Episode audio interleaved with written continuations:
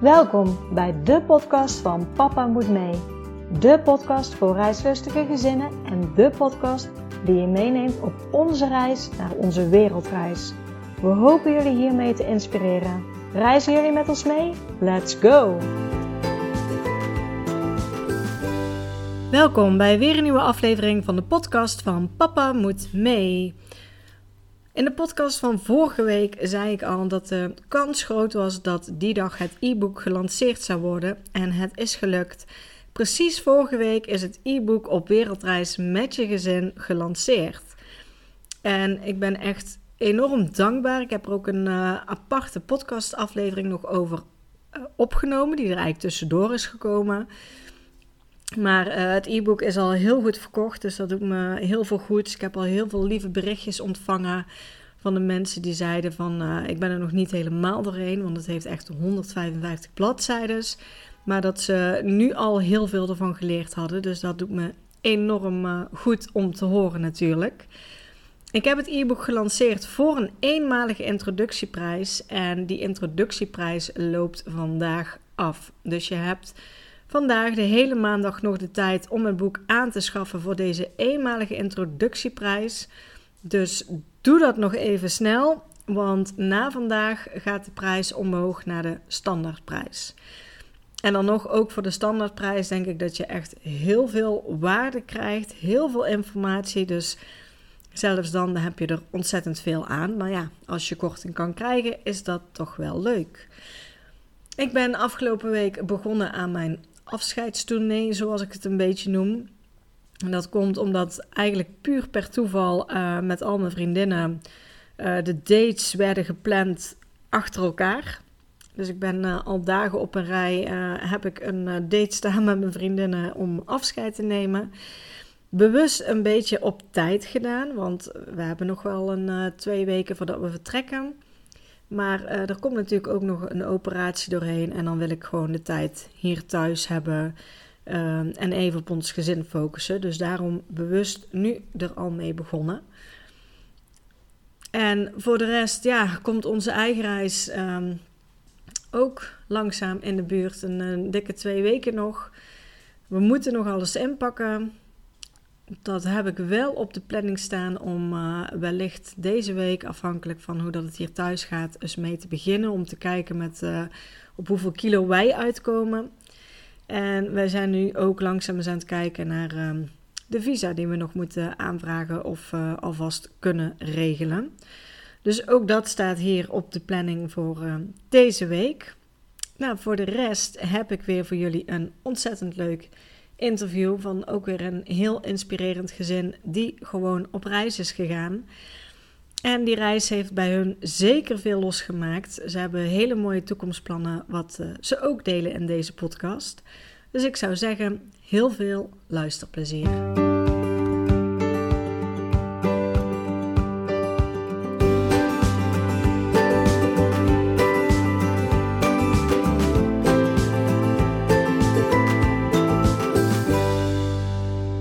Welkom bij de podcast van Papa Moet Mee. Hi, dankjewel.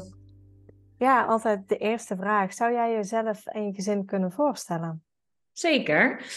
Um, ik ben Arlette en ik woon samen met mijn man Wart en onze twee kinderen Boas en Luna in Assen. En uh, ja, we zijn een reislustig gezin. We houden van een avontuur en uh, daarom zit ik hier in de podcast uiteraard. Ja. ja, want jullie zijn net terug van een langere reis. Ja, we zijn uh, eh, 31 mei, uh, s'avonds laat weer op, in, alle, in Amsterdam aangekomen. En we hebben toen vijf maanden inderdaad gereisd.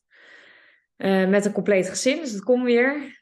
Mijn zoon werd vijf in nou, afgelopen dinsdag, 20 juni. Dus het was ook echt, nou, gaan we het nog doen of niet? En hoe dan zonder, nou ja, plan. We hadden eigenlijk ja, vorige zomer toch het gevoel van ja, wat willen we nou eigenlijk?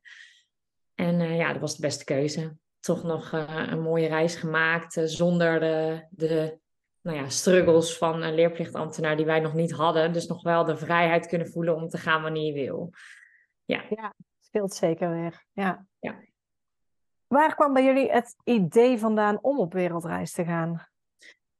Um, nou, Wart en ik zijn allebei wel. Uh, nou, ik denk dat ik meer een reiziger ben, maar Wart is uiteindelijk, ja, dan wanneer je een relatie krijgt en uh, meer van de wereld gaat zien, dan begint het bij beide te kriebelen, uh, zeg maar. Dus die is eigenlijk ook besmet met het reisvirus. Um, toen onze zoon anderhalf was, uh, had ik zoiets van, ja, ik wil eigenlijk nog heel graag naar Azië voor een langere periode. En toen zijn we drie maanden geweest.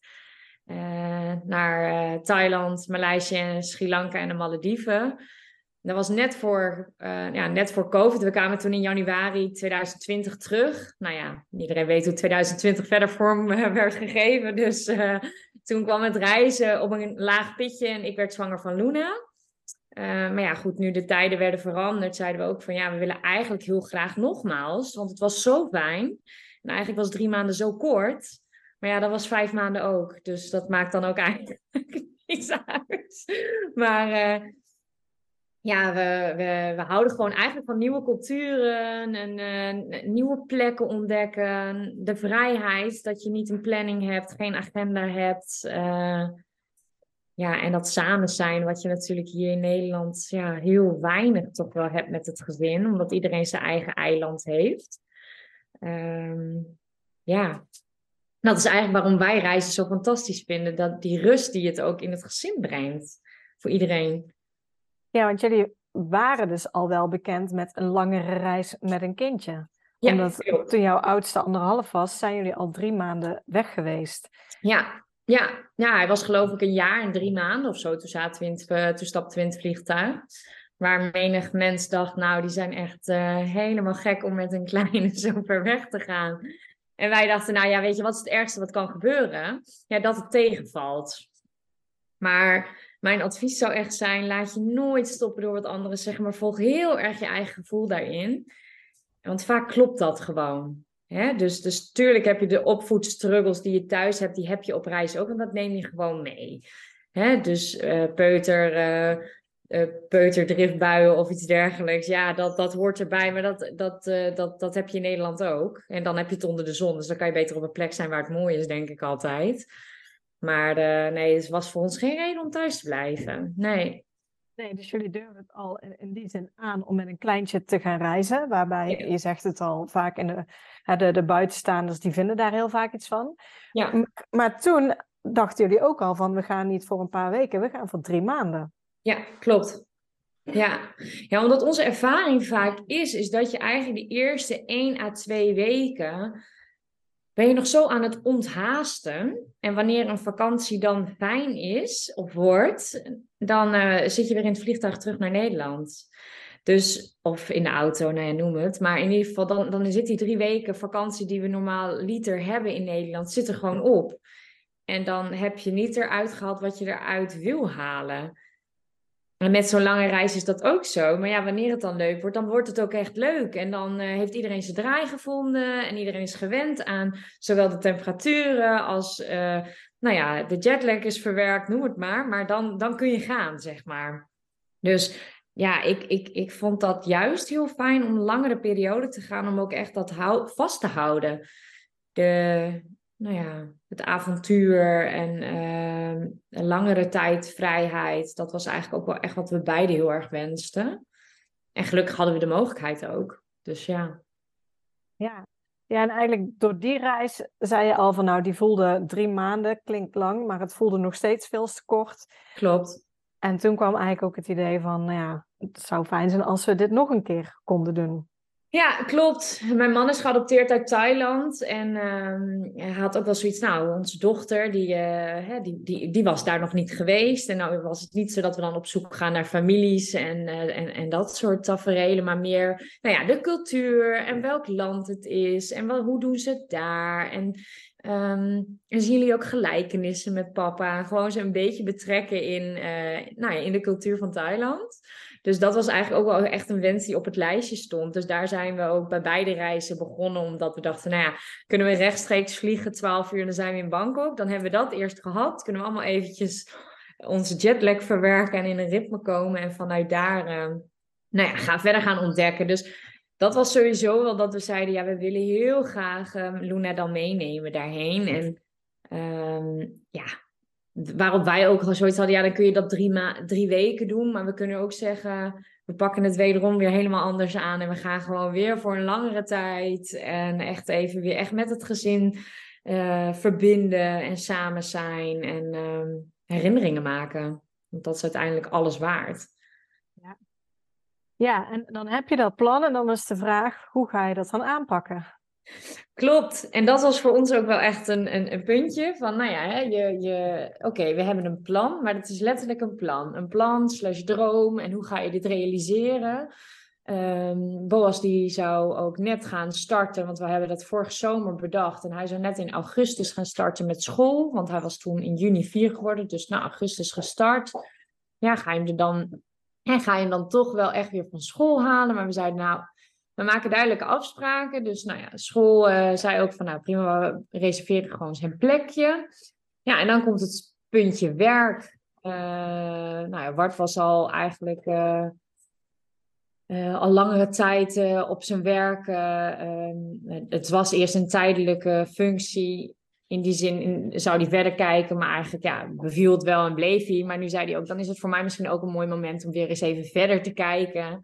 Um, dus hij heeft uiteindelijk ontslag genomen. Um, en uh, ik heb een sabbatical genomen. Ik werk bij de huisartsenpost. En uh, nou ja, de vorige keer was dat ook inderdaad uh, door middel van een sabbatical. En dit geval idem dito. Ik heb daar, daarin denk ik ook wel mazzel gehad. We hebben een heel erg personeelstekort, maar daarentegen ook uh, een tekort aan, aan goede medewerkers. En um, ja, dat was gelukkig voor mij in ieder geval heel fijn dat ik de mogelijkheid kreeg om weer terug te komen. Dus voor beide een sabbatical. En um, ja, toen hebben we gewoon eigenlijk alles uitgeschreven. Want ja, het is wel anders dan wanneer je de vorige reis met een kindje van anderhalf, waarin je nog geen vliegticket moet betalen. En nu met twee kinderen boven de twee, waarin ja, je budget wel degelijk een heel stuk hoger wordt. Ja. Um, maar goed, we zeiden ook van. Um, ik vind het dan ook weer een leuke uitdaging om er zowel comfort als goedkoop te houden. Dus ja, dan, dan echt nou ja, allerlei uh, manieren te gaan bedenken van goh, nou, hoe kunnen we dat dan, hè, hoe kunnen we uh, het uh, zo mooi mogelijk maken, maar wel binnen, binnen ons budget.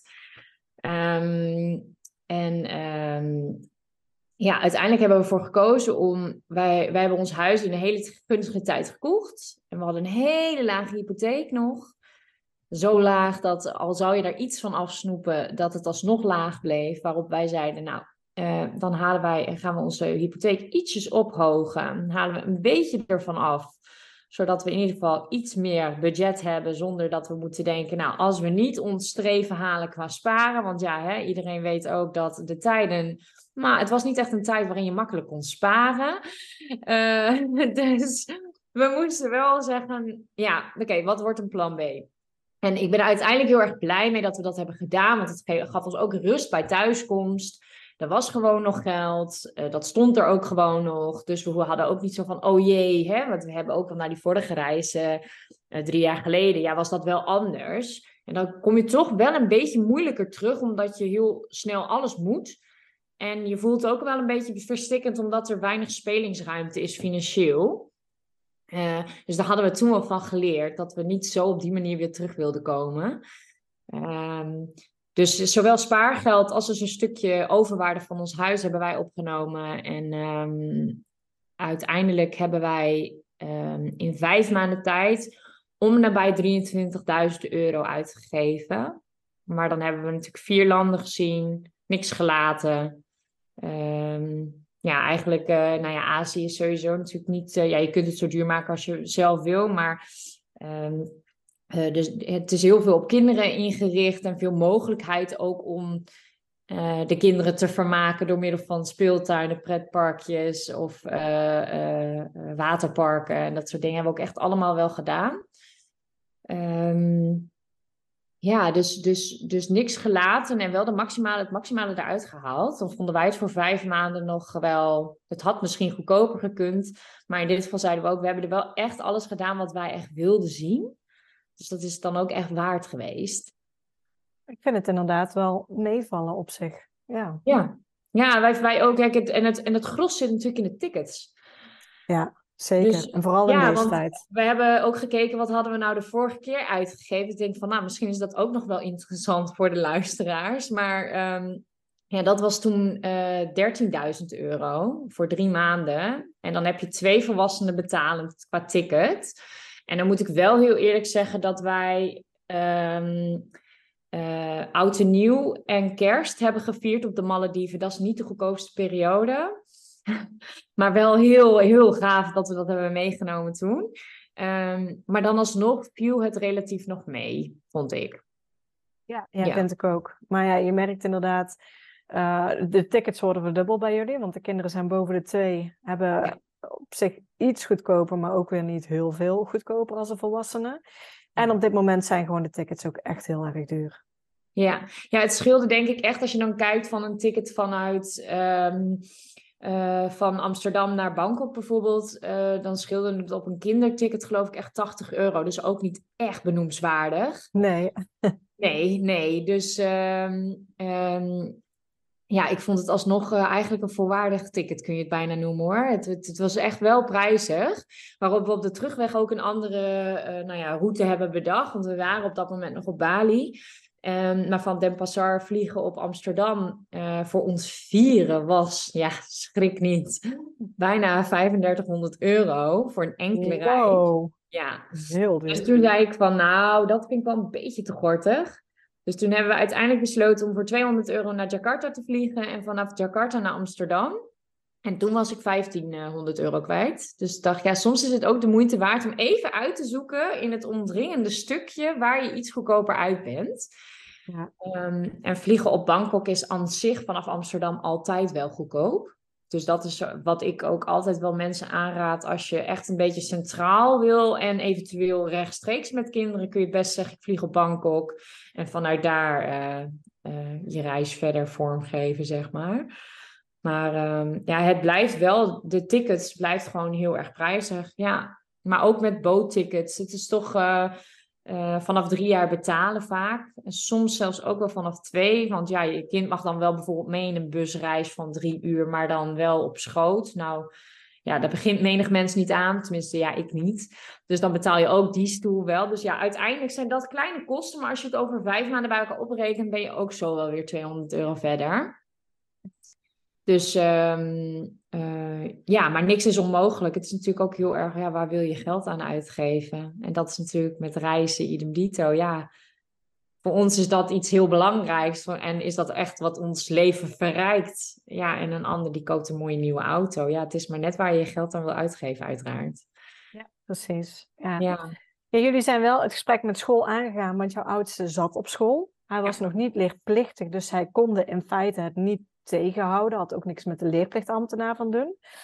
Was de school wel enthousiast over de reis? Hebben ze daar nog iets over losgelaten? Of... Ehm, ja, eigenlijk op het begin werd het echt super hartelijk ontvangen en eh, meegedacht. Hoe kunnen, we het, ehm, hoe kunnen we het vormgeven? De directrice noemde wel heel gauw, en daar schrok ik zelf een beetje van. Van nou ja, dan ga ik wel even contact zoeken met de leerplichtambtenaar. Nou, toen heb ik even een stokje gestoken. Zei ik, nou, Roos is vier jaar. Dus daar hoeft geen leerplichtambtenaar van pas te komen. Dat is vanaf vijf. Dat wist zelfs zij niet. Ik denk dat ze het nog nooit voor de hand had gehad, denk ik, of zo. Ik heb geen idee, maar... Ze was verbaasd. Ze zei, oh, ik ga het even uitzoeken. Toen stuurde ze me later een mailtje dat het klopte. Dat klopte natuurlijk ook, want had ik wel helemaal uitgezocht. Ehm, en eh, de juf van Boas was heel erg enthousiast. Die zei van, nou weet je wat leuk is? Als je nou af en toe even een filmpje stuurt met wat Boas meemaakt. Dan laat ik dat zien in de klas. En ehm, als er ook, want hij zat natuurlijk in groep 1, 2 een combi-klas. Dus als er nieuwe kindjes weer kwamen instromen in groep 1, dan werd gelijk benoemd dat zij ook nog een jongetje in de klas hadden. Maar die was op wereldreis. Dus hij werd wel warm gehouden. En ehm, nou, daar ben ik wel heel erg blij mee.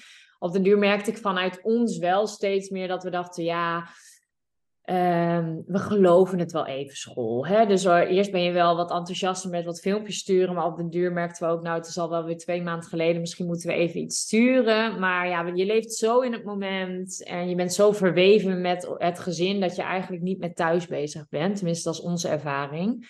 Dat als je echt zo lekker aan het reizen bent, dan ben je daar helemaal niet mee bezig.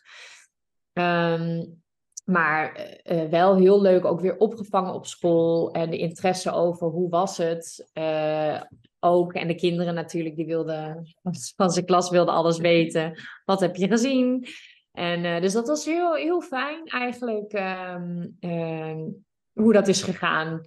Geen, geen gekke dingen gehad, maar ik denk ook dat het echt komt omdat je gewoon, ja, er is nog niet, het is niet zo dat onze school een wachtlijst heeft, dus, dus daar was gewoon gelukkig wat ruimte nog. En, en ik had nog niks met de leerplichtambtenaar mee van doen. Uh, nu moet ik wel zeggen dat als wij langer zouden blijven, want het was een beetje een klein, nou ja, vraagstuk bij ons. Van goh, hè, uh, bij ons is de zomervakantie, wij zijn het noorden, 24 juli. Um, willen we misschien toch langer blijven? En nu was het zo dat als jij in bijvoorbeeld juni jarig bent en vijf wordt, dan moet je vanaf 1 juli leerplichtig moet je op school zijn. Dus dan zou toch voor de laatste weken de leerplichtambtenaar ingeschakeld worden. Ik denk, nou weet je, ik kies dan toch maar even het makkelijkste pad. Laat het maar dan, dan uh, om dan zo'n hele, misschien boete te riskeren, maar ook een hele discussie te moeten voeren om, om, om drie weken. Nou ja, laat het maar, dacht ik. Maar dat vond ik wel een beetje een bummer. Dat ik dacht, hmm, ja.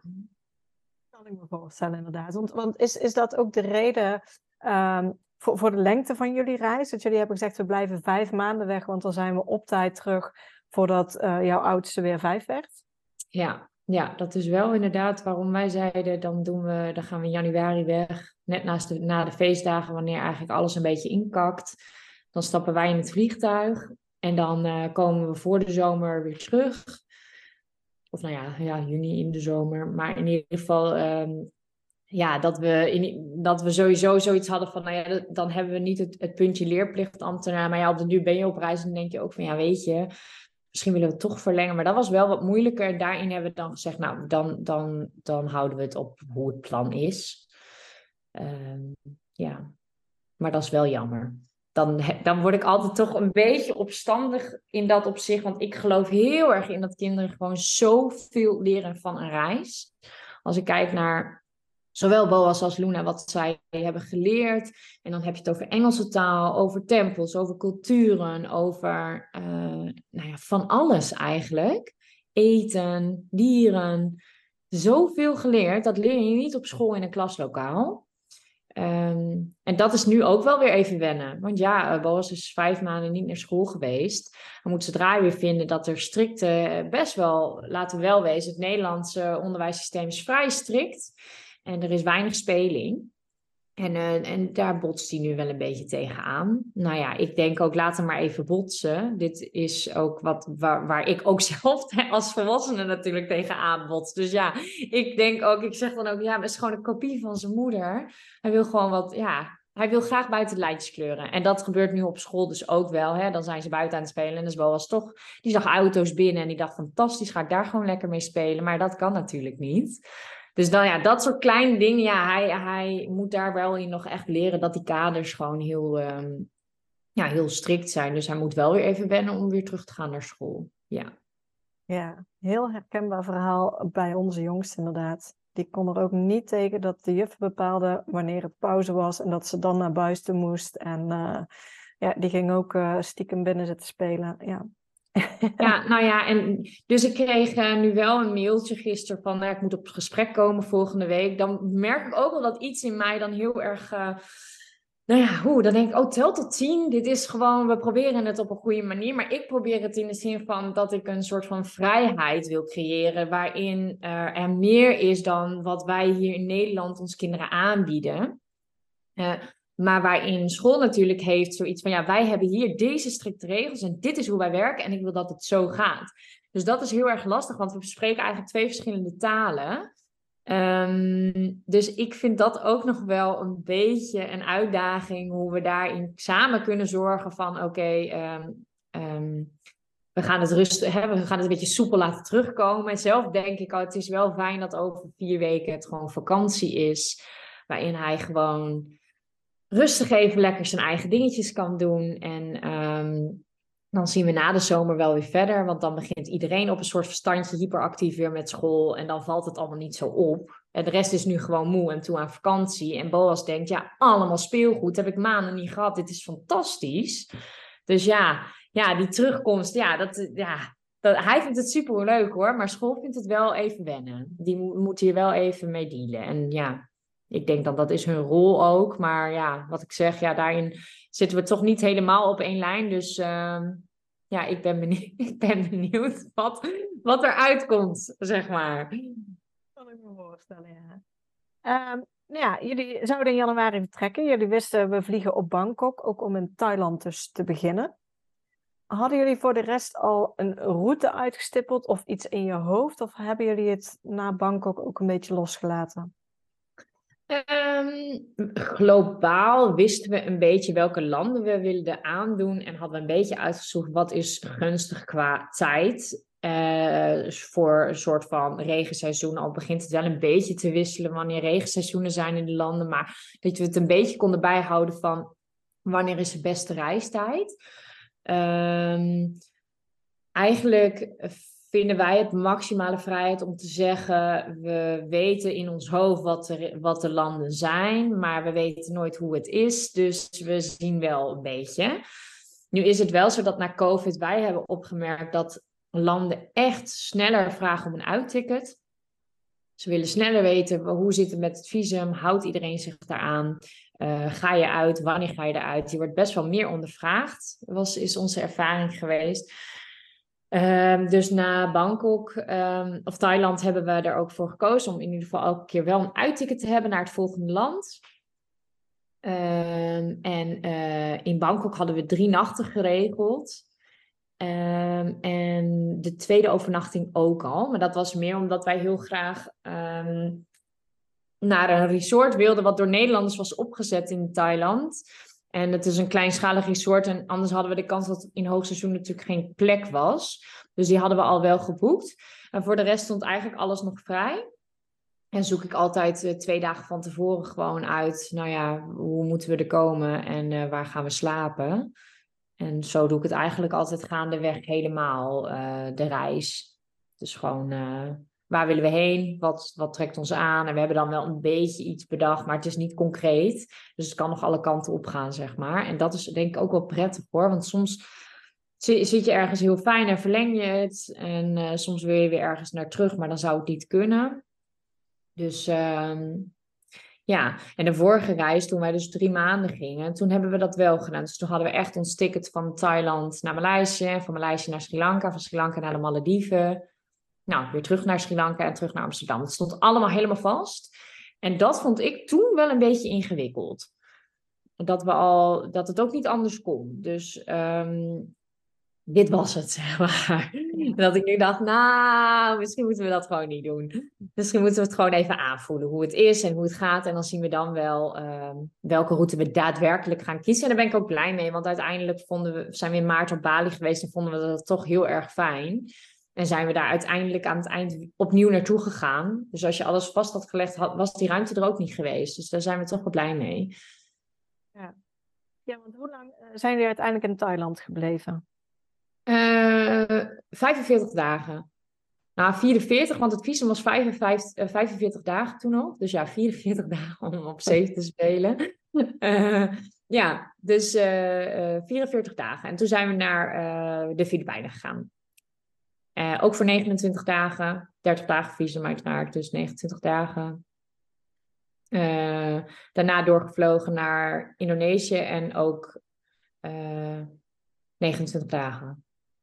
Toen moesten we ook uit en we, toen merkten we ook al, oh, Indonesië is echt wel heel erg fijn. We waren daar nog niet eerder geweest. Um, en toen zijn we uitgevlogen naar Maleisië.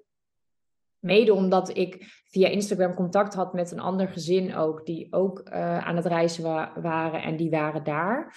Dus dacht ik, nou, is best gezellig, gaan we elkaar ontmoeten. Dat is dan ook altijd wel weer het leuke ervan. dus, uh, en dat klikte zo goed dat we uiteindelijk na drie nachten hadden zij geen plan en wij hadden ook geen plan. En toen besloten we gezamenlijk, nou laten we een hotel boeken en dan gaan we met z'n allen in dat hotel. En dan kunnen de kinderen lekker bij het zwembad spelen en we kunnen erop uit met z'n allen. Dus nou, dat was uiteindelijk fantastisch. Dus dat is ook leuk dat je die vrijheid dus hebt. Dus dat je beide niet een plan hebt, maar ja, de, als tijdelijke uitreis beide uh, belanden we in Maleisië, in Kuala Lumpur. Nou ja, dat was een hele leuke week geweest. Ja, dus dat is ook weer echt de charme van reizen, vind ik. Ja, leuk. Ja. En naar Maleisië zijn jullie naar... Vanuit Maleisië zijn we terug ingevlogen naar Indonesië. Zijn we op Sumatra gevlogen. Ehm, en daar zijn we toen inderdaad uiteindelijk ook 29 dagen weer geweest. Dus we zijn echt kort uitgevlogen naar Maleisië. Echt puur voor de, de visa-run. Ehm, maar ook bij de eerste reis, dat is ons land niet. Soms heb je dat gewoon. Dat je, je toch, dat je toch ergens bent waar, waarin je je zo intens te gast voelt. En zo, nou ja, toch een ander soort cultuur dan dat je... Uh, gewend was in alle andere landen. Dus uh, daar zijn we niet, niet, uh, niet al te lang geweest om dan weer toch weer uit te vliegen naar uh, Indonesië. Ja, want eigenlijk heb je telkens dus de lengte laten afhangen van hoe lang je daar ja, met visum even ook zonder visum mag verblijven. Want Indonesië is inderdaad 30 dagen zonder visum kan je daar verblijven. Ja, je hebt tegenwoordig een visum on arrival, dus je betaalt alsnog 35 euro per persoon, ook per kind. Dus het is nog steeds, vond ik, best een duur land. Want als je dan kijkt naar de andere landen, zoals Thailand en de Filipijnen, daar betaalden wij niet. Um, dus eh, wat dat er gaat, is Indonesië natuurlijk wel echt wel duurder om, om land om aan te doen. Als je als gezin reist, ben je best wel voor 30 dagen toch nog best wel wat geld kwijt. Um, Um, en dan heb je inderdaad een visum voor 30 dagen. Dan moet je er ook wel echt uit. Ze zijn er heel strikt in. Um, want wij kregen bij, de, bij de, de keer dat we in maart daar waren en uit moesten vliegen, zei die man bij de douane ook echt: Oh, dit is ook echt de dag dat jullie moeten vertrekken. Ik dacht, ja, ik betaal voor 30 dagen. Dus ja, daar maak ik er gewoon maximaal gebruik van. Maar uh, ja, ja, je betaalt dus, dus uiteindelijk nog, nog, nou ja, best wel ruim geld. 140 euro waren wij kwijt met ons gezin voor 30 dagen. Dus dat tikt wel aan. Als je daar, met, als je daar twee keer, hè, we zijn er twee keer geweest. Dus dat is best wel behoorlijk hoor, vind ik, voor een visum. En als je hem wil verlengen, want dat zou ook kunnen. Je kan hem ook online volgens mij aanvragen voor 60 dagen, maar dan alsnog betaal je best een ruim bedrag. Dus uh, nee, het is niet een, een goedkoop land, maar wel een heel mooi land. Dus het is niet de moeite om over te slaan voor dat, voor dat bedrag. ja, en, en uiteindelijk, uh, jullie zijn toen de tweede keer naar Sumatra gegaan. Ja. Zijn jullie daar ook dan die 30 dagen gebleven op Sumatra of hebben jullie andere eilanden nog bezocht? Nee, we zijn uiteindelijk naar Sumatra gegaan uh, omdat we de tip hebben gekregen dat het met jonge kinderen prima te doen was om naar Bukit Lawang te gaan. Dat is een heel klein dorpje aan de rand van uh, het oerwoud. Uh, het regenwoud dat daar, dat daar ligt waar nog de orang-oetangs leven in vrije habitat. Um, toen hadden wij zoiets, ja, dat stond dan wel op ons lijstje. We zijn uh, de, toen de vorige keer, drie jaar geleden, wel geweest naar zo'n ja, zo'n soort van rehabilitation center, waar ze wel, nou ja, soort van semi-wild zijn, hè. Maar de echte experience, uh, ja, dat, dat, dat was het natuurlijk niet helemaal. Uh, dus we zeiden, ja, als dat, als dat echt zo is, dan gaan we dat doen. Waarin we toch wel veel mensen zeiden, nou zou je dat nou wel echt doen? Maar ik ben zo blij dat we het wel hebben gedaan, want we hebben daar echt een fantastische trekking gemaakt door de jungle. En zelfs de jongste, die, uh, die heeft uh, zes uur lang uh, die trekking gelopen. En die vond het helemaal het einde. En um, ja, orang-oetangs in het wild gezien en, en apen gezien en andere dieren. En dan vanuit het laatste punt, zeg maar, dan ga je een soort van met zo'n tube over de rivier weer terug naar het dorp. Nou, dat was helemaal natuurlijk uh, vuur, uh, geweldig eind voor de kinderen. Dus we hebben daar echt, echt fantastische dagen gehad. En zeker moet je dan niet verwachten dat je in luxe zit. We hadden een, een, een, een wij hadden dan een, wel een, een leuk huisje. Uh, dat je beneden een woonkamer had en boven twee, twee persoonsbedden. Nou, dat was prima voor ons. Maar ja, je hebt natuurlijk koud water. Je hebt heel veel van die stroomcuts. Dus dan ligt er gewoon alles er weer uit en is het allemaal donker. Maar ja, dat heeft ook wat. Wij vinden dat echt fantastisch. En de kinderen vinden dat natuurlijk ook helemaal mooi om met hun zaklamp dan op pad te gaan. weer overal te moeten vragen: oh, kunnen we ook nog, uh, hebben we nog ergens een stroom waardoor we iets kunnen? Maar nou ja, gewoon de hele experience uh, hebben de kinderen het nog steeds over. Dus ik ben echt blij dat we dat hebben gedaan. En we zijn daar toen zes dagen geweest om vanuit daar uiteindelijk te zeggen, nou, wat gaan we doen? Um, toen hadden we nog drie weken over. En toen hebben we gezegd, dan gaan we toch terug naar Bali. En daar nog andere dorpen aangedaan die we nog niet hadden gezien. Om vervolgens te eindigen naar de plek die wij het fijnst vonden. En dat was rondom Uluwatu. Uh, om daar gewoon echt de laatste week vakantie te houden. Zodat iedereen even kon ontspannen. En even niet meer na drie dagen je spullen weer te pakken. En, en nu gewoon echt eventjes nou ja, vakantie te houden. Was ook gewoon lekker om zo te eindigen. Dat is toch altijd wel um, fijn om even uit zo'n uh, uit het reizen te gaan, zeg maar, om even vakantie te vieren. Want ja, ik weet niet, als reizigers onderling snappen wel wat ik bedoel. Dat reizen is gewoon, is fantastisch, maar het is, kan ook echt wel heel vermoeiend zijn. Ja. Dus dan is het juist goed om even te zeggen, ik neem die week vakantie van mijn reis. en ik plan het echt, ja, ja, ik plan het echt even als ontspanning in. En dat was een hele goede keuze. Dat zou ik echt iedereen aanraden, want daardoor kom je wel in een soort wat rustiger modus ook weer terug in Nederland. Anders ben je gewoon wel echt moe. Wij waren op de duur wel echt moe. Ik bedoel, we hebben leeftijd van 2 en 4 uh, eh, mee. Waarvan die van 2 toch eigenlijk ook wel echt heel ondeugend is. Dus die, ja, die was lekker aan het ontdekken. En uh, dat is fantastisch. Maar je hebt je handen vol daaraan. Uh, en als je dan 24-7 samen bent, dat is veel waard, maar ook heel vermoeiend soms. Dus wij waren zelf ook wel toe aan even een beetje slowdown. Nou, dat was een goede keuze. Ja. Ja. Hoe hebben sowieso, sowieso de kinderen het gedaan op, op reis? Begrepen ze vooraf, twee jaar is natuurlijk nog heel jong, wat jullie gingen doen? Hebben jullie ze een beetje vooraf wat verteld? Of? Um, nou, de oudste sowieso hebben wel echt heel duidelijk gezegd van nou, dit gaan we doen. Dus hij wist ook eigenlijk aan iedereen wel te vertellen, nou deze landen gaan we doen. En dan gingen we dat ook wel laten zien op de kaart. En uh, we hadden van ons vorige reis een heel Polar Steps reisboek gemaakt. En dan ging hij dat wel allemaal bekijken. Zo van, oh, dit, dus, dit, dus dit zijn hè, plekken wat we kunnen gaan zien. Tempels en, en zee, nou ja, hè, al dat soort dingen dat hij dat wel wilde zien. Uh, ja, Luna, die was net twee. Die, nou ja, die snapte er natuurlijk echt geen bal van. Laten we wel wezen. Als we hier uh, in Nederland waren geweest op een camping, had ze het ook leuk gevonden. Dus da daar hoef je het niet voor te doen. Die had daar niet veel, die, had, die, die snapte daar niet veel van.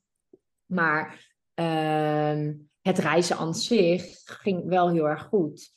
Uh, zij um, ook de heenweg hebben we met Luna heel even twintig minuutjes gehad dat ze verdrietig was. Maar ja, dat was logisch, want ze kwamen met drinken langs en ze sliep eigenlijk net gewoon heel diep.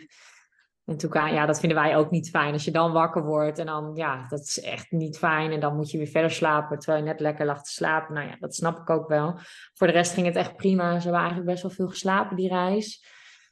Um, en op den duur weten ze ook precies hoe het gaat. Dus je komt, ze zeggen, nou, we, wat gaan we, we, gaan reizen. Het is een reisdag, zeggen we dan ook altijd. Dus nou ja, dat, dat betekent dus dat we naar de volgende plek gaan. En dan weten ze ook precies, oké, nou, um, hoe gaan we dan? Uh, nou, dan gaan we met het vliegtuig bijvoorbeeld, dan weten ze ook precies, oké, nou dan moeten we dit, dit en dit, dit doen. Dus ze gaan ook niet vragen van, oh, hoe lang uh, moeten we nou de koffers doen of wat. En ze wisten precies op den duur natuurlijk, oké, dan moeten we langs dat mannetje en dan moeten we weer ons paspoort laten zien. En uh, moest ik mijn spierballen laten zien, handen omhoog, want dan moesten ze weten of ik stiekems mee had genomen. Nou, ze hadden een heel verhaal over, maar ze vonden het helemaal geweldig. Dus... Um, dat ging eigenlijk wel heel erg soepel. En, en wij zijn zelf wel vrij strikt met bijvoorbeeld filmpjes en uh, iPad-gebruik. Uh, dat vind ik echt gewoon reinste onzin en helemaal op deze leeftijd. Maar we hadden, ze, we hadden er wel één mee voor Boas. En mijn ouders zeiden uiteindelijk op het laatste moment... Nou, weet je zeker dat je niet die van ons mee wil, die voor de kinderen is? Um, nou, daar ben ik wel blij mee. Die hadden we wel meegenomen. En dan hadden we de regel, als we langer dan drie uur reizen... Dan, uh, dan kun je de iPad krijgen. En uh, hadden we eigenlijk ook tijdens reisdagen weinig regels. In de zin van, uh, als jij een snoepje of een koekje wil, dan krijg je dat gewoon. Um, en dan als we straks weer op de plek zijn, dan gaan we gewoon weer in het regime mee. Maar nu uh, is het allemaal wel even oké. En dat was eigenlijk wel heel, heel goed te doen. Waardoor ja, de iPad een soort van cadeau was. En idem dito op de terugweg. We hebben er 25 uur over gedaan van deur tot deur. Maar ik heb ze echt niet gehoord hoor. Ze vonden het fantastisch met de iPad.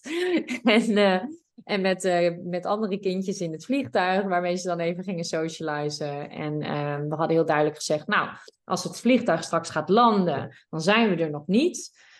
Nou, dan was er ook geen vraag of zo. Het was ook niet dat ze dan zeiden, ah, zijn we er nou al? Nee, want ze wisten dan, nou ja, dan waren we er nog niet, had mama gezegd. Dus ja, we gaan nu even eten en we zoeken ergens een speeltuin en dan gaan we weer en dan moeten we het laatste stukje nog. Dat was eigenlijk allemaal prima. Dus het is vooral ook, ja, weet je, wij zijn er wel vrij relaxed in. Zo van, ja, dit is het, het ook niet echt anders maken. En kinderen varen daar wel echt op mee. Tenminste, die van mij. Die denken, oké, ja, mama heeft heel duidelijk uitgelegd, zo is het. Ja, duurt heel lang, dag en nacht in het vliegtuig. Nou, Van Bol is eigenlijk wel heel stoer. Dat hij gewoon in de nacht op de iPad zat.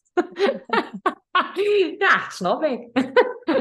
ja, soms is het ook net inderdaad het verhaal wat je eromheen vertelt natuurlijk. Hè? Ja, ja, precies. Dus hij was helemaal, eh, ja, helemaal stoer. En uh, uh, ja, wij hebben wel gelukkig, daar ben ik echt blij mee, kinderen die overal slapen, wat voor creatie ook maakt. Want we waren op de Duurloene haar tentje ook kwijt. Ja, dan moet je iets. Nou, dan is het gewoon een, uh, een kussen geweest van een, uh, een strandbedstoel. En daar heeft zij op geslapen. We hebben matrashoezen omheen gedaan en, daar sliep ze op. En ja, ze slapen gewoon overal en ze eten alles. Ik denk dat je daarmee wel echt al 50%, als het niet 80% winst is, hebt. Um, want je wisselt natuurlijk, je vraagt ook veel flexibiliteit van de kinderen. Ik geloof er wel in dat kinderen, dat niet elk kind dat kan hoor. Niet elk kind kan tegen zoveel verandering, zoveel malen op elkaar. Wij hebben daarin echt mazzel dat die van ons daar heel makkelijk in zijn en dat eigenlijk allemaal wel prima vinden. Um, maar dat het ook heel erg ligt, nou ja, hoe ga je er zelf mee om en hoe, hoe, hoe ontvangt het kind? Dus daarin is het denk ik vooral aanvoelen wat je, kind, wat je denkt dat je eigen kind nodig heeft. En zonder te veel te kijken hoe doet een ander het, maar vooral heel erg aan te voelen hoe, wat jouw kind nodig heeft. En soms werkt reizen ook wanneer je wel samen slaapt met je kind. Nou, dan doe je dat voor die maanden als je het dan comfortabel op die manier kunt krijgen. Weet je, ik denk dat je heel erg daarin moet kijken wat voor jezelf werkt. Ja, zeker. Ja. ja je had het net al over een uh, tentje van Luna. Wat, wat namen jullie mee aan bagage allemaal? We hadden twee backpacks. Bart had echt een 100 liter en ik uh, een 70 liter. En dan hadden we nog eigenlijk een klein koffertje uh, met kleren voor de kinderen. Uh, en dan hadden we Luna, hadden we een van Derian, dan de peutervariant aan tentje. Die aan de bovenkant open kan, maar ook weer dicht kan, zeg maar. Dan heb je ook gewoon een mosquitonet, dus dat is helemaal goed geïmpregneerd. Uh, en die hadden we aan de buitenkant van ons backpack zitten. Uh, en we hadden uh, twee draagzakken mee en de buggy voor Luna. Maar uiteindelijk, als ik heel eerlijk ben, dan was zo'n buggy alleen fijn als je in een grote stad bent, zoals bijvoorbeeld Kuala Lumpur. Bangkok misschien nog een beetje, maar voor de rest, Azië is niet gemaakt voor buggies. Nee. Maar het is wel zo dat uh, uh, zo'n drager, je hebt natuurlijk een rugdrager, we hadden gewoon echt draagzakken mee. Want zo'n rugdrager, nou, dat is bijna één heel item in je, in je, um, uh, van je bagage. Wij vonden dat echt niet handig. En die draagzakken, nou, uiteindelijk hebben we die voor Boas misschien twee of drie keer gebruikt. Die liepen eigenlijk altijd, maar we dachten just in case, je weet het niet. Straks is het wel zo bij zo'n trekking die wij willen doen dat het niet lukt, dat hij er wel op kon. Um, maar die hebben we eigenlijk bijna niet gebruikt. En Luna natuurlijk wel met regelmaat, maar dat komt ook omdat hij gewoon overal heen gaat. dus op het vliegveld had ik meestal mijn backpack op mijn rug en Luna voorop, omdat uh, zij dan gewoon dichtbij bleef. En de, hebben we eigenlijk de eerste vlucht gekozen om de buggy dichtbij te houden, waarop we later zeiden, nou laat het maar inchecken, want daar doen we toch niks mee, want zij moet gewoon of ingeklikt bij me zijn. Uh, ja, die gaat gewoon overal heen. En ze vinden ook iedereen lief. Ja, dat is top. Maar dat is op een vliegveld en zo is dat gewoon echt uh, ja, wel een beetje gevaarlijk. Daar raak je er gewoon kwijt. Um, maar eigenlijk vond ik een draagzak het allerhandigste. Overal in. Tenminste, kijk, wij zijn ook een gezin die bijvoorbeeld wel op een scooter gaan. Ja, daar valt wat over te zeggen. De een doet het wel, de ander doet het niet. En dat is natuurlijk allebei oké. Um, in Azië is het natuurlijk niet ongebruikelijk dat je dat als vervoersmiddel gebruikt, ook met jonge kinderen. En dan zat Luna gewoon altijd bij, bij Bart op zijn rug um, in de draagzak vast, zeg maar. Uh, want anders, ja, je kunt niet een tweejarige, tenminste mijn tweejarige kan niet loszitten op een scooter tussen ons in, want het is gewoon levensgevaarlijk. Dus wat dat gaat, ik vond dat uh, wel een heel handig heel handig. En een tentje idem dito, want dat bleef altijd hetzelfde. En dat vond ik ook toen Boas anderhalf was. Een tentje is een soort van... We hadden natuurlijk een eigen hoeslaken mee. En dat tentje was zijn plekje. Dus dat was altijd hetzelfde. Waar wij ook sliepen, zijn slaapplek was hetzelfde. met zijn knuffeltje erbij, dat was bij, bij Luna nu ook, knuffeltje erbij. En die geur en plek was dan hetzelfde. Alleen stond het elke keer in een andere kamer. Maar daarmee creëer je ook een soort van geborgenheid. Vooral hele jonge kinderen vinden dat heel prettig. Om daar niet te veel wisseling in te hebben, denk ik. Maar ja. Ja, het zijn hele handige tentjes. Ja. Heel handig, ja. Ja, ja, en, en jullie accommodaties, jij boekte vaak een paar dagen vooruit, uh, zei je. Jullie hadden die flexibiliteit. Uh, welke sites gebruikte jij daarvoor? Um, ik gebruikte hotels.com heel veel, maar dat komt als je daar tien nachten boekt, krijg je één gratis. En als je dan vijf maanden op reis gaat, dan kan dat wel uit. Dus dat deed ik eigenlijk heel veel. Um, en ik gebruikte ook wel um, nou, Airbnb hebben we twee keer gedaan. Uh, omdat ik persoonlijk altijd toch wel vaak vond dat het wel iets hoger is qua budget. En vooral in Azië vond ik wel dat het vaak foto's zijn van voor COVID. En uh, als je er kwam, dat het wel een beetje tegenviel. Dus na twee keer hebben we dat ook niet meer gedaan. Um, en ik gebruikte wel Booking.com ik, meestal zocht ik ook een beetje van, uh, nou, deze plek gaan we heen en wat wordt aangereikt als een leuk stukje om te zitten. En dan in dat, in dat gebied probeerde ik dan iets te vinden. Maar wij waren wel eigenlijk van, nou, max 40 euro ongeveer per nacht. En dat is eigenlijk, ja, dat klinkt natuurlijk in Nederlandse bedragen, dat mensen gaan hierom lachen. Maar dat is eigenlijk heel veel geld in Azië. Dan kun je makkelijk een kamer voor krijgen waar iedereen kan slapen. En dan heb je er soms ook nog wel gewoon een uh, zwembad bij zitten. En uh, dat was eigenlijk altijd wel prima te doen. Um, ja, en hotels.com, wat ik zeg, ja, ik vond het ideaal dat je dan uh, spaarde je je stempels als het ware per nacht. En dat je dan na tien nachten een gratis nacht kreeg, ter waarde van het gemiddelde van alle andere nachten. Ja, dat komt ook wel echt uit. Ja. Ja, goeie. Ja, na vijf maanden reizen, dan is daar op een gegeven moment de tijd uh, dat jullie weer terug moeten naar Nederland. Uh, je gaf in het begin al aan van uh, zelfs vijf maanden voelde te kort. Hoe was dat moment toen jullie weer terug moesten gaan? Nou, ik had eigenlijk een week van tevoren al wel dat het, ja, de omgekeerde heimwee zeg ik. Dat je gewoon voelt dat je op je plek bent en daar je het allergelukkigst voelt. Uh, en weet dat je weer terug moet naar Nederland in een heel strak regime. Want ja, we leven hier gewoon een heel strak bestaan. We leven op tijden. En die tijden, daar kunnen we niet van afwijken. En dat is zowel als in werkleven, als in sociaal leven, als in um, uh, luxe uitstapjes. Een keer naar de kapper gaan of naar de pedicure. Het is allemaal op tijd. Het is alles. En hoe graag ik daar ook niet in wilde deelnemen, na, na een week zit je daar weer in. Je moet een agenda kopen. En je kunt, je kunt nog zo je kont in de krip gooien, maar het gaat je niet lukken om in Nederland een bestaan te hebben waarin je je echt vrij kunt voelen. Daar geloof ik in ieder geval in. Het is mij nooit gelukt. Als iemand een gouden tip heeft, alsjeblieft, zoek me op Instagram op, stuur me een bericht, want ik heb je nodig. Maar ik kan het niet vinden. Dus ik kan mijn draai hier ook niet vinden. Ik, ik, ik, als ik naar mijn agenda kijk, dan denk ik, oh jee, wat kan je skippen? Nou ja, als ik iets skip, dan heb ik zeg maar geen familie en geen vrienden meer, maar waarschijnlijk ook geen baan meer. Dus ja, dat kan allemaal niet. Het zijn allemaal dingen die moet je laten lopen. Um, ja, ik vond het heel benauwend. En dat gevoel, dat startte al een week voordat we teruggingen. Waarin Bart gelukkig, wat dan ook altijd wel zei... Ja, maar let, ja, hè, dan hebben we wel weer andere plannen. En dan gaan we weer groter denken. We moeten nu terug. Dus die kon heel mooi relativeren. Dat helpt ook wel. Um, nou ja, de realiteit is wel... Het is fijn om terug te zijn, om mensen te zien. Maar ik voel mij niet thuis. Dus ik ben thuis, maar ik voel me niet thuis. Dus dat... Uh, is voor ons. En ja, dat was ook wel een beetje de reden om deze reis ook nog te maken van waar willen we, wat willen we nou eigenlijk? Waar willen we wonen? Wat, wat is ons plan? Nou, en dat is eigenlijk nu meer dan ooit naar voren te komen dat Nederland dat echt niet meer is. En dat is misschien ook wel heel erg goed. En ook dat op het moment dat je vertrekt, dat je dat gevoel hebt, maar wanneer je thuis bent, dat het misschien nog sterker voelt.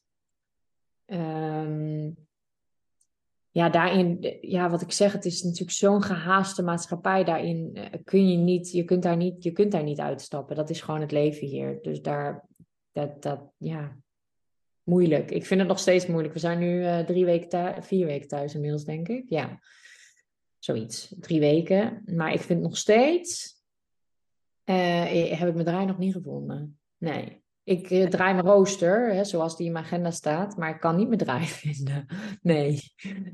En zijn er dan plannen? Want je gaf aan van uh, wellicht in het buitenland uh, is het is een betere plek voor ons. Ja. Is, is, zit daar al een voorkeur voor een bepaald land of willen jullie dat verder gaan onderzoeken? Nou, toen wij uh, eigenlijk, ja, het is wel grappig, want toen wij op reis gingen, zei iedereen tegen ons: Nou, ga je ook naar Bali? En wij dachten: Ja, ja, we gaan naar Bali. Hi, zo opgehipst allemaal en iedereen heeft het erover. Ja, we gaan erheen, want we zijn in de buurt. Nou, dat neem ik terug, want toen we er waren, toen dacht ik ook echt: Ja, ja dit is het dit is het gewoon. En dan niet rondom Canggu of de hele hippe plekken. Maar onderin juist, rondom Uluwatu, vonden wij het heel prettig. Dat je zowel de, de drukte als de rust had. Ehm, eh, veel uh, uh, internationale mogelijkheden, ook voor schoolkansen voor de kinderen. wat, heeft, wat ook nog betaalbaar is, wat natuurlijk een heel belangrijk aspect is. Um, uh, ja, en, en veel, uh, iedereen spreekt Engels. Want wij hadden eigenlijk de voorkeur voor Thailand. En dan meer omdat Bart zijn Thaise paspoort aan kon vragen. Dus we hebben dan de mogelijkheid om land te kopen. Uh, maar toen we er waren, vonden wij het chockerender dat ze, slechts, dat ze nog slechter Engels spraken dan dat ze ooit hebben gedaan. Dus het viel ons echt heel erg tegen qua ehm, het Engels communiceren met de Thai. Ehm, nou ja, en de internationale scholen zijn ook niet. Uh, de netwerken echt qua internationale expats zijn ook veel kleiner. Op Bali is dat natuurlijk veel groter. Dus um, ik zeg niet, we gaan daar voor eeuwig zitten. Maar ik zeg wel dat ons plan is om daarheen te gaan. Um, en dan eerst voor een jaar, maar ja, daarin zeg ik ook wel heel eerlijk. We zeggen een jaar, maar dat is ook eigenlijk meer uit formaliteit tegenover iedereen. Maar ik denk dat ik niet meer heel graag weer terugkom of zo, als het goed bevalt. Maar goed, uh, dan weet iedereen, iedereen die dat nu luistert ook. Uh, maar uh, ja, dat. Dat is wel echt het plan. En wij hebben ook gezegd, je moet zo'n plan dan ook niet uh, een soort van neerzetten en dan zien we het wel. Nee, dan moet je nu ook denken, oké, maar dat is ons doel. We, we hebben gezegd, uh, ons streven is januari 2024 zitten we in het vliegtuig. Um, en we zijn nu vooral heel erg aan het kijken, hoe kun je dat het beste vormgeven? En dan gaat het bij ons vooral om dat wij op dit moment banen hebben waarin eigenlijk op afstand werken uh, onmogelijk is nou, zeg nooit onmogelijk, maar buiten Europa wordt het al heel gauw voor veel bedrijven ingewikkeld. Um, als ik zou zeggen, ik ga naar Spanje, dan zijn er nog veel meer kansen op de banenmarkt in Nederland. Maar buiten Europa is het toch een stuk lastiger. Uh, dus we zijn heel erg aan het kijken hoe kunnen we dat vormgeven? Hoe kan het voor ons werken? Zonder dat je zit met sales of dat je moet leuren voor opdrachten. Maar echt wel kan zorgen, in ieder geval voor het eerste jaar, van nou, we hebben dit werk en dat, dat kunnen we in ieder geval uh, dat jaar doen om dan verder te gaan kijken wat, wat willen wij nou precies. Omdat ik ook wel mijn focus bij de twee kinderen wil hebben die ook um, ja, een bestaan daarop gaan bouwen. En dan wil ik niet alleen maar mee, bezig moeten zijn met uh, onze financiën en of het allemaal wel redden. Want dat is het dan ook weer niet, uh, dat is ook weer niet de bedoeling. Um, maar we hebben daarin wel nu concreet gezegd van ja, we, we willen wel uh, zorgen dat we uh, ja, in januari toch weg kunnen gaan. Dus, uh, en dat geeft rust, maar ergens ook wel voelt het nog steeds als een plan slash droom. En eh, heb ik pas echt dat ik weer hier denk ik heel erg kan genieten wanneer ik weet, nou dan zit ik in het vliegtuig en dan gaan we weg. En dat je dan denkt, ja, nee, het is eigenlijk best wel fijn om iedereen even te zien. En nu denk ik van ja, en straks zit ik hier over twee jaar nog. En daar ben je zelf bij uiteraard. Maar ik ben wel iemand, vooral, kijk, als ik alleen met Wart was geweest, dan had ik gezegd, nou, we gaan gewoon en we zien het wel. We verkopen het huis. En, uh, maar dat vind ik nu toch een beetje spannend, want, want stel je voor dat het na een jaar niks is en hebben we alles opgegeven hier. En uh, ja, dat vinden we dan ook wel weer uh, nou, lastig. En aan de andere kant, ja, ons huis is ook ons, uh, daar zit ons, ons vermogen in. Dus we hebben dat nu nog helemaal niet nodig. Dus dat huis willen we eigenlijk gewoon houden. Dus dat zijn allemaal dingen die je naast elkaar moet leggen om daarin de juiste keuze te maken. En voor iedereen is dat, is dat anders uiteraard. Maar uh, ja, voor ons is het nu... Wat hebben jullie sowieso met je huis gedaan tijdens jullie reis van, van vijf maanden? Hebben jullie daar nog... Ja, toen hebben we dit verhuurd. Ja, beide keren. Dus uh, de andere keer hadden we het voor vier maanden verhuurd. Toen hebben we één maand bij mijn ouders gewoond. Die waren toen op vakantie. Dus toen konden we het voor vier maanden verhuren. Um, en nu hadden we het inderdaad voor vijf maanden verhuurd. En ons plan is dan inderdaad om het dus eerst voor een jaar te verhuren. Ja. En dat is eigenlijk alle keren mm, prima gegaan. Nooit gekke dingen gehad. Um, dus uh, ja, daar hoop ik eigenlijk nu ook gewoon op. Ja, en dan via een verhuurmakelaar of zelf? Zelf, ja. Ja, eigenlijk beide keren een beetje via via uh, mazzel gehad. Nou, helemaal prima. Um, ik denk dat als we het voor lange periode, voor een jaar, dat we misschien wel denken van, nou ja, dat we het eerste jaar misschien wel eerst zelf doen en dat we daarna uiteindelijk, als we, als we inderdaad niet, niet direct weer terug gaan naar Nederland, dat we dan er iemand tussen laten zitten als, uh, als contactpersoon, zeg maar. Maar voor nu uh, ja, hebben we het zo gedaan en dat werkte prima. Ja. Ja, ja precies. Dus dat is ook een, inderdaad dan een serieuze optie voor als jullie voor een jaar gaan, dat het huis gewoon verhuurd wordt. Ja. Met eventueel daar ook een stukje inkomsten uit. Ja, klopt. Daar haal je natuurlijk inderdaad niet, niet superveel inkomsten uit. Maar het is altijd toch wel weer een, een, een x-bedrag per maand wat je eruit kan genereren. En dat kun je apart zetten en dat is toch prettig. Um, ja. Ja, ik vind dat, dat verhuren sowieso, ook tijdens een reis, ik zou dat echt iedereen wel aanraden. Want daarmee uh, heb je gewoon wel, wij hebben uiteindelijk gewoon de huur zo dusdanig gedaan dat we zeker wisten, oké, alle onkosten die je hebt qua zorgverzekering, telefoon, noem het maar, alles op een bult gegooid. En dat is het bedrag wat wij willen voor ons huis per maand. Waardoor we eigenlijk gewoon op nul stonden uh, qua uh, kosten en dat we echt van ons spaargeld leefden. Uh, dat vond ik wel heel rustig eigenlijk. Dat ik wist, alles thuis wordt wel betaald, dat, dat loopt allemaal. Ik hoef alleen maar te kijken hoe staat mijn uh, spaarrekening ervoor. En, en dat, dat ik me daar verder geen zorgen over te maken. Dat vond ik eigenlijk wel heel fijn. Ja, snap ik. Ja, en dan is het dus op dit moment met name uitzoeken van wat willen we, hoe willen we om in januari gewoon weer te vertrekken.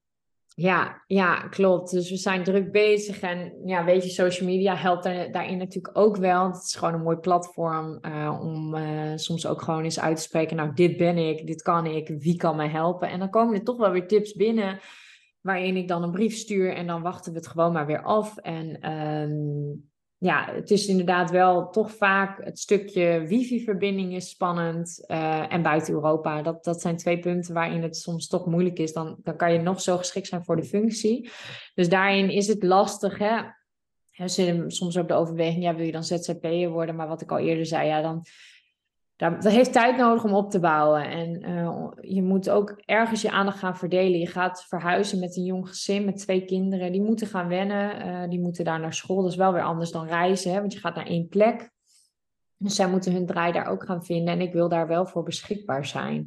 Dus ik wil dan niet me volledig moeten focussen op een bedrijf wat ik moet laten starten, omdat ik moet zorgen dat de rekeningen betaald worden. Um, dat kan later op latere tijd ook nog wel. Of dat ik er zijdelings naast bestaat. Maar dat aan zich gewoon we een baan hebben waar we, uh, voor, waar we inkomsten uithalen en waar we ons rekening van betalen. Nu scheelt het natuurlijk dat het leven daar veel goedkoper is. Dus het hoeft ook niet een uh, managerfunctie te zijn, uh, weet ik veel. Maar eh, dat scheelt natuurlijk enorm. En ehm, zelf zeggen wij ook van kijk. We, het plan, wat heel veel mensen zeggen, is natuurlijk ja, hè, huis verkopen en dan ga je daar iets uh, uh, opkopen of leasen en dan dat verhuren als inkomstenbron. Maar ja, waarop wij ook zeggen, ja, dat, dat willen we wel, maar dan echt over 15 jaar of zo. Dat willen we nu nog niet. Nu kunnen we gewoon nog werken. En we, hebben, we hebben dat. Ik denk dat omgekeerd het veel ingewikkelder wordt. Als jij dat nu zou doen en dat uiteindelijk toch niet helemaal loopt, of om wat voor reden dan ook komt nog een keer COVID. Thank God, ik hoop het niet. Maar ja, je weet het niet er gebeurt iets en dan uh, heb je die mogelijkheid al gehad en dan moet je ineens weer werken. Nou, dat is nog wel veel ingewikkelder, denk ik. Dan dat je nu zegt, nou, ik ga gewoon nu lekker werken. En te zijn de tijd, als we denken, we willen nu de ruimte en de vrijheid echt hebben, dan uh, gaan we voor, uh, voor uh, ja, het, het kopen van vakantiewoningen en het verhuren daarvan. Maar voor nu is dat nog niet een, een optie voor ons. Nee. Betrekken jullie de, kinderen hier ook al bij? Dat je aangeeft van, van we willen misschien terug naar die plek waar we zijn geweest en, uh, en daar te gaan wonen? Of hebben jullie nu zoiets van nou, we zijn nu zelf bezig met allerlei dingen regelen en we laten ze nu weer eerst even hier in Nederland zwemmen?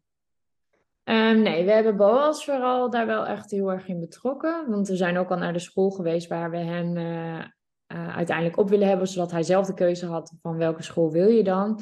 Nou ja, en daar was hij zo enthousiast van dat hij natuurlijk eerst helemaal niet meer hier naar school was. Toen dachten we ook, wat hebben we nou, wat hebben we nou weer bedacht? Dit was helemaal geen goed plan. Maar aan de andere kant, nu we weer wat langer op school, hier zijn en de eerste dagen school weer geweest zijn, um, vindt hij het ook prima dat hij hier is. Maar hij wil ook wel heel graag naar die school daar. En lekker naar het strand toe en uh, uh, geen schoenen dragen, maar gewoon lekker op zijn blote kakjes de hele dag. Dus wat dat er gaat wel. En uh, hij heeft een klein uh, surfbordje, een klein houten surfbordje uitgezocht in Ubud. En die heeft hij op zijn kamertje staan. En die moet echt mee als we weer terug gaan verhuizen, hè mama? Dus hij is daar ook wel mee bezig. Maar gewoon op een kinderlijke manier. En is niet dat hij er dagelijks om vraagt. Maar wel dat hij, um, nou ja, kleine dingen zoals Engels praten, eh, doet hij elke dag wel even tegen ons. En dan zegt hij ook tegen ons, maar uh, ik, praat nu, ik ga nu even Engels praten hoor. Dus dan, uh, nou, dat, dat vindt hij ook gewoon wel een beetje stoer, zie je. Nou, dat vind ik ook heel leuk dat hij dat nog steeds zo leuk vindt. Dus hij is er nog steeds wel mee bezig. Um, maar het is ook heel ingewikkeld, want hij zegt dan, ah, ga ik één nachtje slapen en dan gaan we weer. En dan zeg ik, nee, het zijn echt wel 150 nachtjes of zo. Nou, dan denkt hij wel echt van, nou, wat is dat nou voor stom plan? Waarom duurt dat nog zo lang? Waarom kunnen we niet, nu al gaan? Dus het is natuurlijk voor een kind, vooral op die leeftijd, wel een beetje ingewikkeld als het nog wat langer duurt. Uh, maar ik probeer hem wel spelende wijze erin te betrekken van... Uh, hoe de toekomst gaat zijn. En ja, Luna, je kunt daar van alles tegen zeggen. Die snapt dat natuurlijk nog helemaal niet. Die is daar veel te klein voor. Maar, uh, maar was wel, ja. Ja, mooi. Mooie plannen ook, zeker. Ja. Heb jij nog één tip voor gezinnen die, net als jullie, ook voor langere tijd op reis zouden willen gaan? Nou, vooral laat je echt niet tegenhouden. Mijn ervaring is dat als je reist met jonge kinderen, dat iedereen daar ongegeneerd zijn mening over wil geven, ongeacht hoe dat misschien kan binnenkomen voor jou. De ene is daar uiteraard vatbaarder voor dan de ander. Uh, maar het is al een hele grote stap om het aan te durven. En iedereen heeft op het moment dat je op Schiphol staat, dat je denkt, oh, doen we hier echt goed aan. En dan zit je in het vliegtuig en dan is het all good. Maar laat je niet tegenhouden. Want ja, het is alles waard. Het is zo prachtig. Ja. Uh, ja, en dan als laatste, kunnen mensen jou nog vinden op social media? Want er komen bij jullie natuurlijk uh, hele spannende dingen aan. Zeker kan dat. Uh, op mijn Instagram-account, Arlette Kloppers, daar ben ik te vinden. Nou, daar heb je ook, eh, heb ik ook mijn hele reis eigenlijk van de afgelopen vijf maanden op bijgehouden per, per locatie. Dus ja, daar kun je me zeker volgen. Ja, leuk. En dan ben ik heel benieuwd wat de toekomst jullie gaat brengen. Ja, ik ook. Wordt vervolgd. Ja, zeker. Dan wil ik jou ontzettend bedanken voor jouw tijd en alles wat je met ons gedeeld hebt. Ja, heel erg bedankt dat ik mocht, uh, mocht komen. Superleuk. Dankjewel. Super bedankt voor het luisteren naar deze podcast. Ik zou het heel leuk vinden als je ons volgt op Instagram. Papa moet mee. Deel deze vooral in je stories als je hebt geluisterd en tag ons en laat ons weten wat je ervan vond. Tot de volgende keer.